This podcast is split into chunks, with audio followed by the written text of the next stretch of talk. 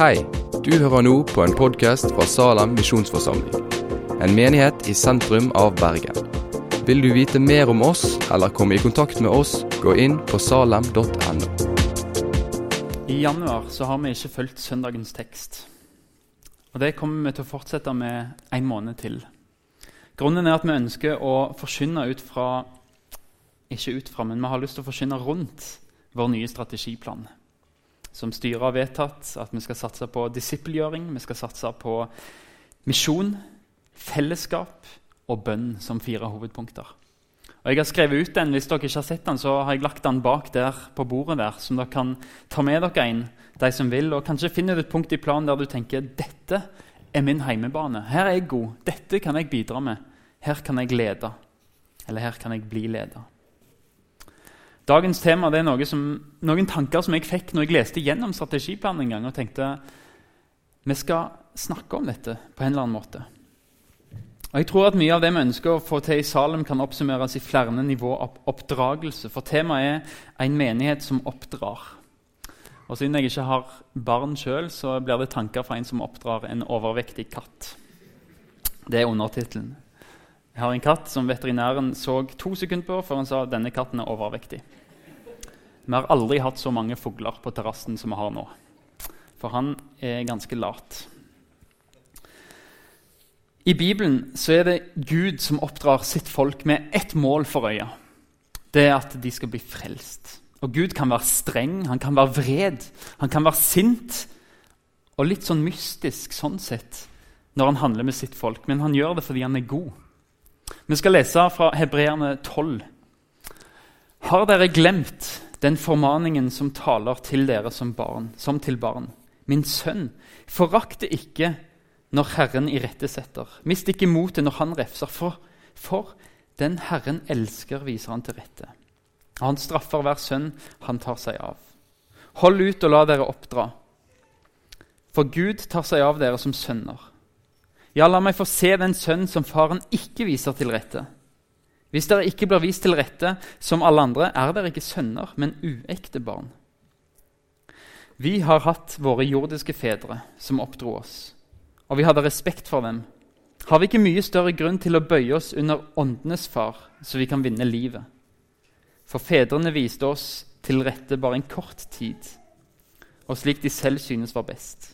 Men han gjør det til vårt beste for at vi skal få del i Hans hellighet. All irettesettelse synes nok å være mer til sorg enn til glede mens den står på, men siden gir den tilbake fred og rettferd som frukt hos dem som har blitt oppøvd ved den. Og den Teksten her kan virke litt sånn skummel, egentlig, fordi vi har med en streng Gud å gjøre. Det kan være førsteinntrykket. Men poenget er djupere. Poenget er djupere. For det er snakk om sønn og det er snakk om barn, og det er snakk om en far. Når jeg var liten, så hendte det ofte at jeg ville spise sand. Eller stein. Eller glass, grus, gjørme. Dere tar tanken alt skulle inn i munnen. Insekter. Det var det jeg ville. Og det var ikke noe videre refleksjon utover det at jeg lurer på hvordan denne konsistensen er i munnen min. Men jeg har en far som sa nei, du får ikke lov. Og Du kan velge å tenke at pappa var streng med meg, eller at han var sint. For jeg syns iallfall at han var ikke snill, siden jeg ikke fikk gjøre som jeg ville. Men i ettertid så ser jeg jo at han var god. Han hadde kunnskap som jeg ikke hadde. Han var en god pappa som sa nei, det er ikke bra for deg å spise maur. Selv om det kunne oppleves at han var streng, så var han kjærlig. Det var kjærlighet med en kunnskap. For fedrene viste oss til rette bare en kort tid, og slik de selv synes var best. Men han, altså Gud, gjør det til vårt beste for at vi skal få del i hans hellighet. All irettesettelse synes nok å være mer til sorg enn til glede mens den står på, men siden gir den tilbake fred og rettferd som frukt hos dem som har blitt oppøvd ved den. Gud kan virke streng, mystisk, sint og vred, men det er kjærlighet med en kunnskap. En kunnskap som universets herre har. Gud gir oss bud, han gir oss regler, han gir oss levemåter fordi han elsker oss. Det er som en drage som flyr. Du kan se en drage og tenke den dragen er ikke fri, for den har en tråd knytta til seg og til en som står og styrer dragen. Og som kan styre den sånn at den flyr lengst mulig og best mulig vekk fra hindringer. Og Kanskje tenker du at hvis vi skal slippe den dragen fri, så er det bare til å klippe snora. Så får den dragen fly og være fri. Og det kan oppleves sånn, men bare for en veldig veldig kort stund. For den dragen vil bli tatt av vinden. Den vil bli kasta i bakken og bli ødelagt. Det er bare spørsmål om tid. Den tråden som knytter dragen til drageflygeren, det er egentlig frihet.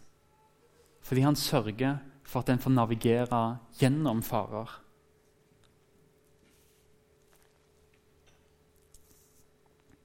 Den styrer dragen sånn at den ikke skal krasje. Det Gud oppdrar oss til en frihet som han har kunnskap om. Det er fort gjort å tenke på den negative sida ved oppdragelse, på tukt. Alt en ikke får lov til å gjøre som kristen, alle de strenge tingene som vi liksom tenker på. Men Guds mål er frihet. Guds mål er glede. Det er overflod. Han oppdrar oss for at vi skal få leve i fellesskap med Han, med livets herre og med andre kristne. For at vi skal leve godt sammen. Han kan være streng, og han kan gi oss bud, og han kan befale oss om å frykte han. Men grunnen er at han har et godt mål for oss. Både her i himmelen Nei, både her og i himmelen. Han har godt for oss her òg. Guds bud er gode å følge. De gir fred, de gir glede, og de gir salighet, sier faktisk Bibelen. Gud sier sjøl til, sitt folk i 5. Mosebok og du skal vite Jeg tror det kommer opp på teksten her på skjerm. Og du skal vite i ditt hjerte at Herren din Gud vil oppdra deg som en mann som oppdrar sin sønn. Da skal du også holde Herren din Guds bud, så du går på hans veier og frykter ham. For Herren din Gud fører deg inn i et godt land.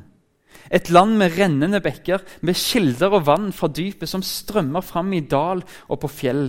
Et land med hvete og bygg, med vinstokker, fikentrær, granatepletrær. Et land med olivenolje og honning. Et land der du, skal, der du ikke skal spise ditt brød i fattigdom og mangle noen ting. Et land der steinene er jern, og du kan hugge ut kobber av fjellet. Der skal du spise og bli mett, og velsigne Herren din Gud for det gode landet Han har gitt deg. Det er et gammeltestamentlig bilde på hvordan det er å følge. Hvordan det er å bli oppdratt av Gud. Hvordan det er å følge Hans bud. Å følge Hans ord det er godt. Salmon 119 skriver flere ganger Jeg fryder meg over dine lovbud. Det er de som gir meg råd. Led meg på den stien dine bud viser, fordi den gir meg glede, står det i Salme 119. Guds mål er ikke å ha barn som trykkes ned med lov og regler. Men Guds mål er godhet å vise oss en vei som er bra for oss å leve som fellesskap og leve sammen med Han. Glede, fred, overflod. Det er litt om Guds oppdragelse av oss.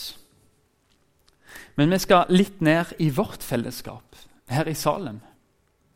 Inn i vår setting. For vi er en menighet av barn, ungdom, voksne og eldre og alt imellom. Gud har gitt oss et eksempel til etterfølgelse. Jeg tror at på samme måte som han oppdrar i kjærlighet, så er jo kalt til å oppdra hverandre i kjærlighet. Vi skal hjelpe hverandre til å leve et liv som gjenspeiler at vi er hans barn. Og Jeg tror at Gud har gitt oss som familie her i Salem et kall til å elske hverandre. Og En av de måtene den kjærligheten skal være synlig, det er gjennom at vi oppmuntrer hverandre til å leve nær Jesus. Til å bli forandra etter hans bilde. til å leve som kristne disipler. Og vi trenger hverandre til dette. Jeg skal snakke om barn og voksne. Jeg har ikke fasiten. Dette er noen tanker som jeg ønsker kanskje kan bli et bilde av hvordan vi har det i Salem. Hvis vi starter med barn, hvordan oppdrar vi barna våre? Og jeg med Billy, katten vår, den overviktige, skal passe meg for å sammenligne det i det hele tatt.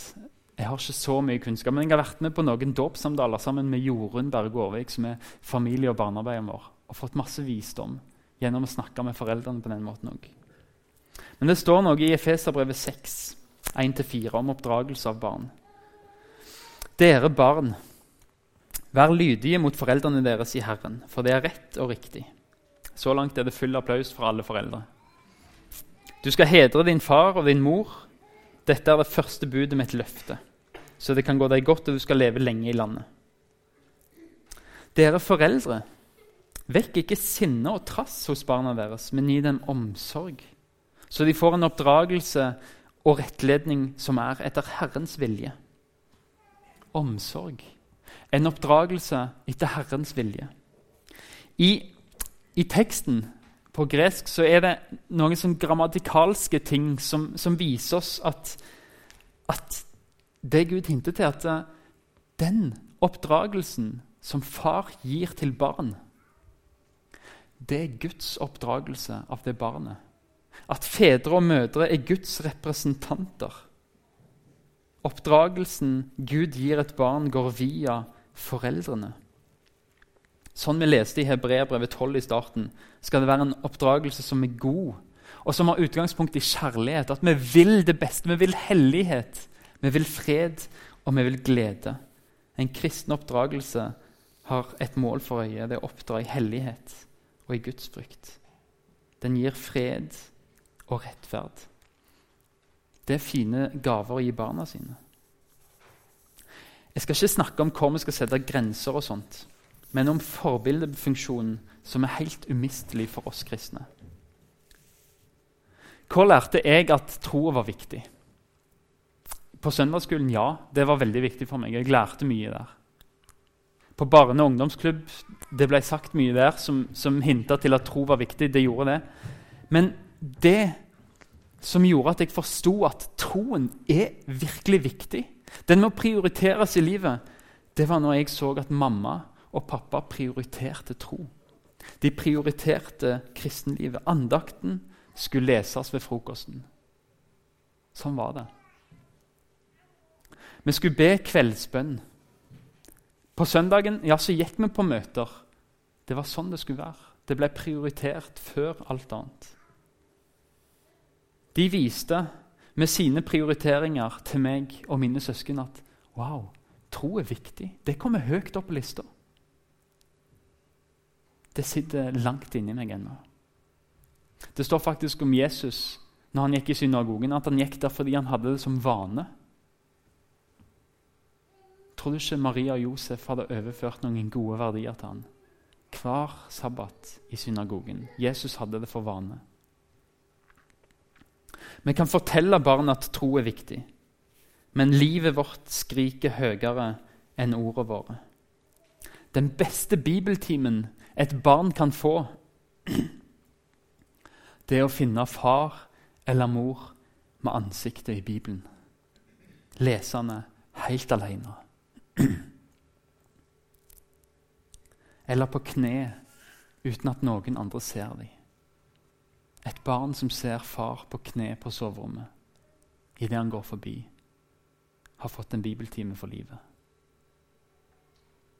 Når du ser at aleine så er jeg fortsatt en kristen. Når ingen ser meg, så er fortsatt dette viktig for meg. Da får et barn erfare dette betyr mye. Og jeg tror måten vi er på som fellesskap her i Salem òg, sier mye om hvordan, hvor viktig troen er. Når barna våre kommer inn her, hva er det de ser for noe? ser de at dette er kun et overskuddsprosjekt. Fordi vi orker ikke å gå i Salem når når vi skal noe annet på dagen. Det jeg sier nå, Jeg håper ikke det oppfattes som lovisk, men jeg ønsker at vi gir barna våre gode forbilder. Jeg ønsker at vi gir barna våre syn på hvor viktig det er. Hva ser de når de kommer i Salem? Ser de voksne som syns at tilbedelse er viktig, som er til stede?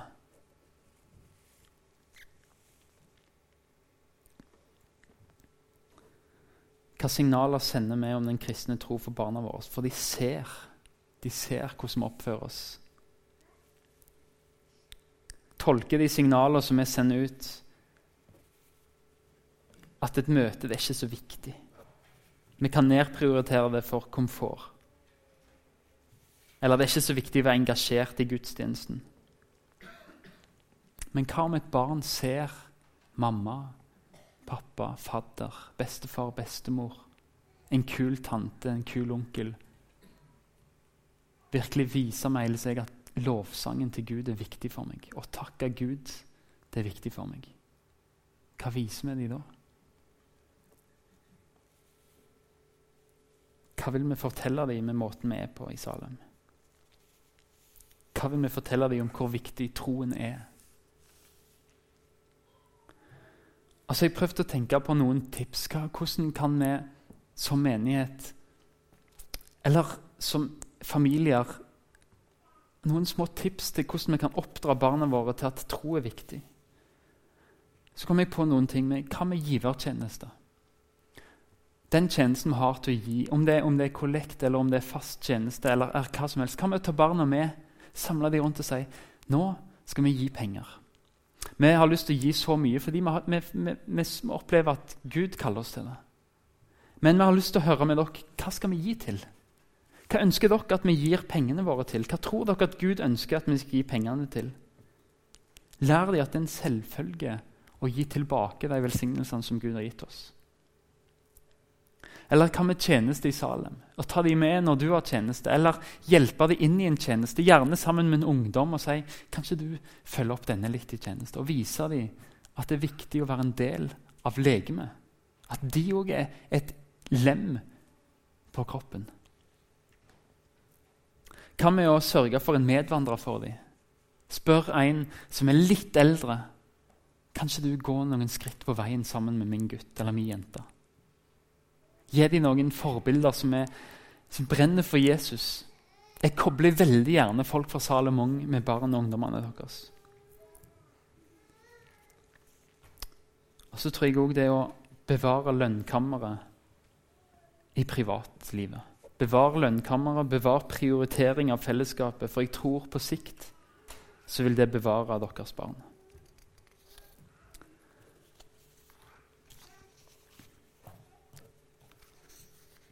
I 5. Mosebok 11 så står det Disse mine ord skal dere bære i hjertet og i sinn. Bind dem om hånden som et tegn og ha dem på pannen som et merke. Lær dem videre til barna deres. Snakk om dem når du sitter i ditt hus og når du går på veien. Når du legger veien når du står opp. Skriv dem på dørstolpen i ditt hus og på portene dine. Da skal dere og etterkommerne deres få leve lenge på jorden. Som Herren med ed har lovet å gi fedrene deres. Like lenge som det velver seg en himmel over jorda. Jødene de, øvel, de ga troen videre ved å skrive bibelvers i dørkarmen. Barna så at her er det viktig. Bibelen er så viktig at de dekorerer huset med den. Og så feira de òg alle jødiske høytidene. Og de gjorde det med symbolikk som gjorde at den yngste sønnen skulle stille spørsmål til faren. Hvorfor gjør vi dette? Og så fikk faren fortelle om Guds frelse, og at de feira den. Og Kanskje skal vi òg bli gode på det har faste innslag av tro, andakt, kveldsbønn, bordbønn, høytider, markerer dåpsdager, sånn at det vekker spørsmål hos barna, at vi får svare dem. Men hva med ungdommene våre, da? Hvordan skal vi oppdra dem her i vår storfamilie? Jeg tror det viktigste vi kan gjøre for dem, det er medvandring og disippelskap. Å gjøre disipler ut av dem å gå et stykke på veien sammen med ungdommene våre. og fortelle dem og vise dem hvordan ser det ut å følge Jesus på skolen. Hvordan ser det ut å følge Jesus på fritid, på jobb, studier? Hvordan ser det ut å følge Jesus når livet er vondt, og når det er godt? Vi som er litt eldre, vi har gått noen skritt på veien allerede og kan hjelpe dem inn i det. Og vise dem hvordan det ser ut å følge Jesus. De trenger eldre kristne som går et stykke på veien sammen med dem. Å gjøre disipler det er kallet vårt som kirke.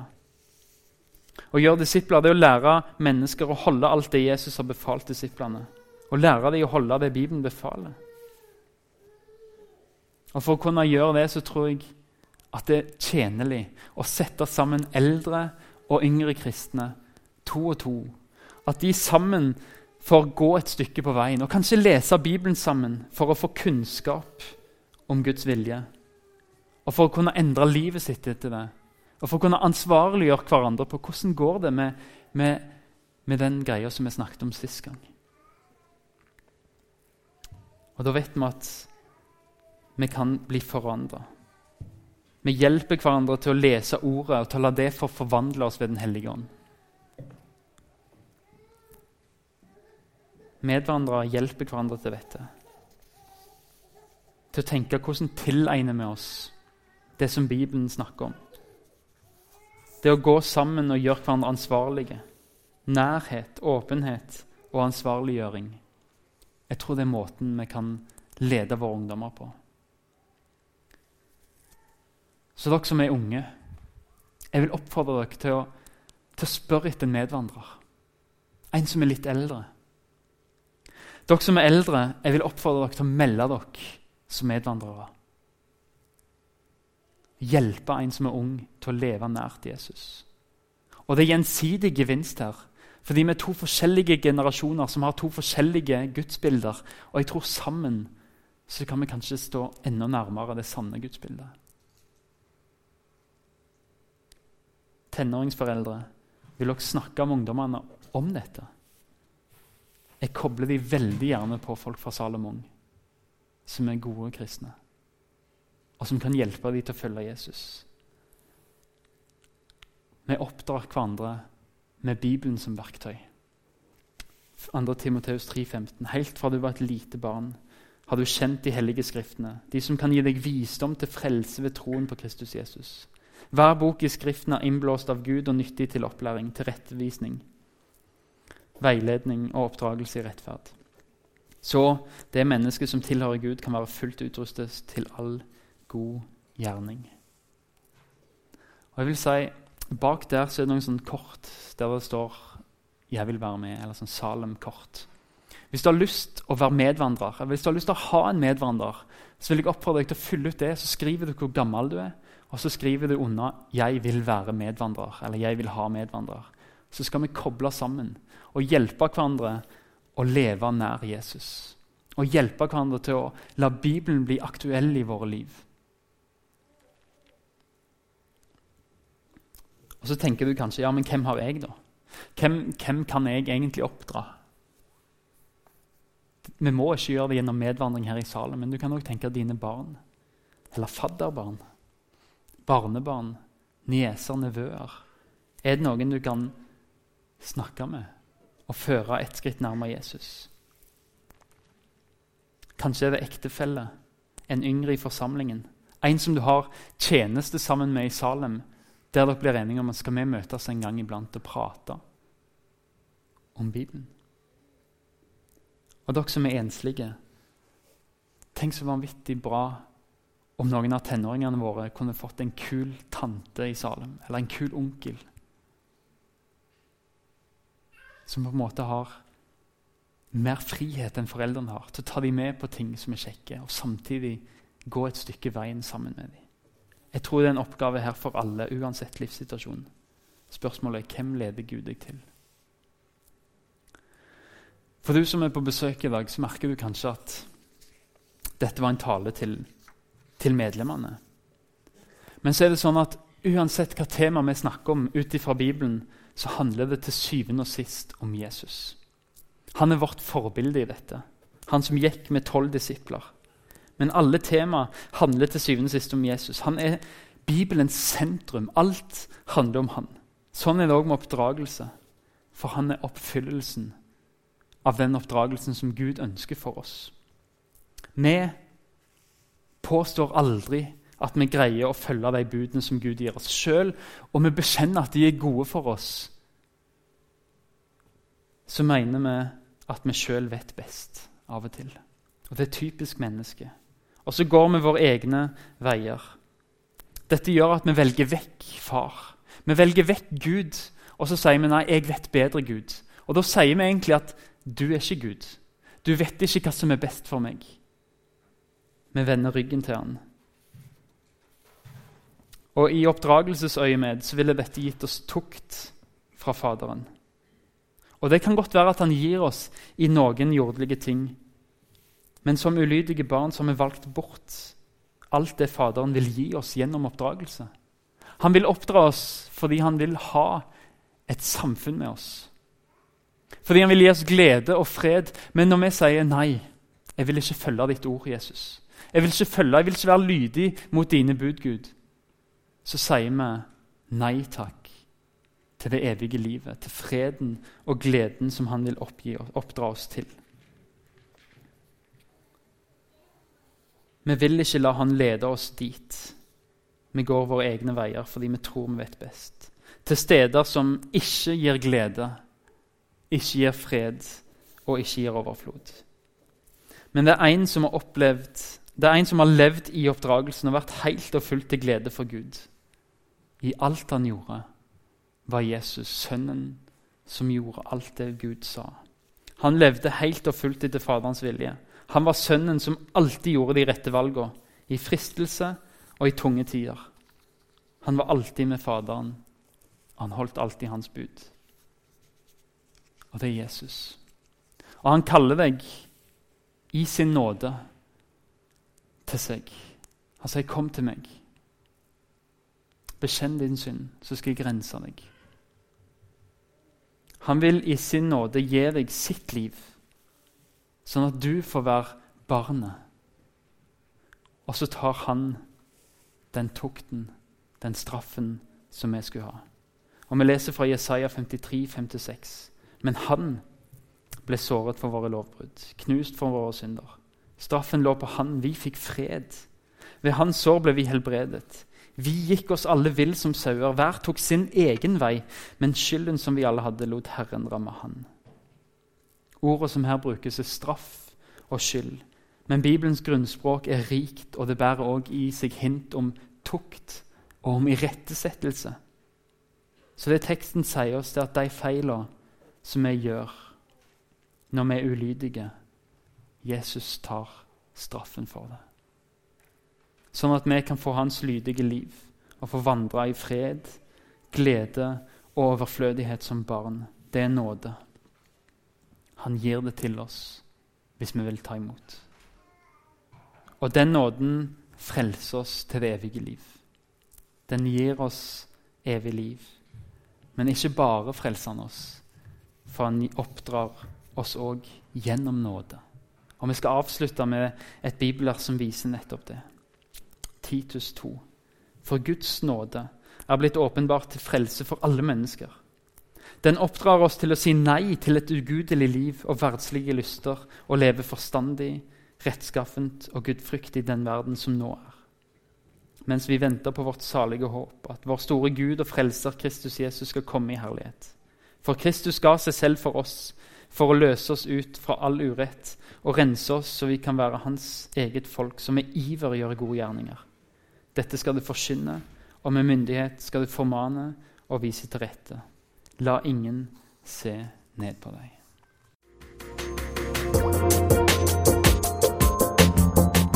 Takk for at du har hørt på podkasten fra Salem, Bergen. I Salem vil vi vokse i et stadig dypere fellesskap med Gud og med hverandre. Vi vil være Jesu hender og føtter, og vi vil være med og forkynne frelse for Bergen og resten av verden. Besøk oss gjerne på salem.no om du vil vite mer.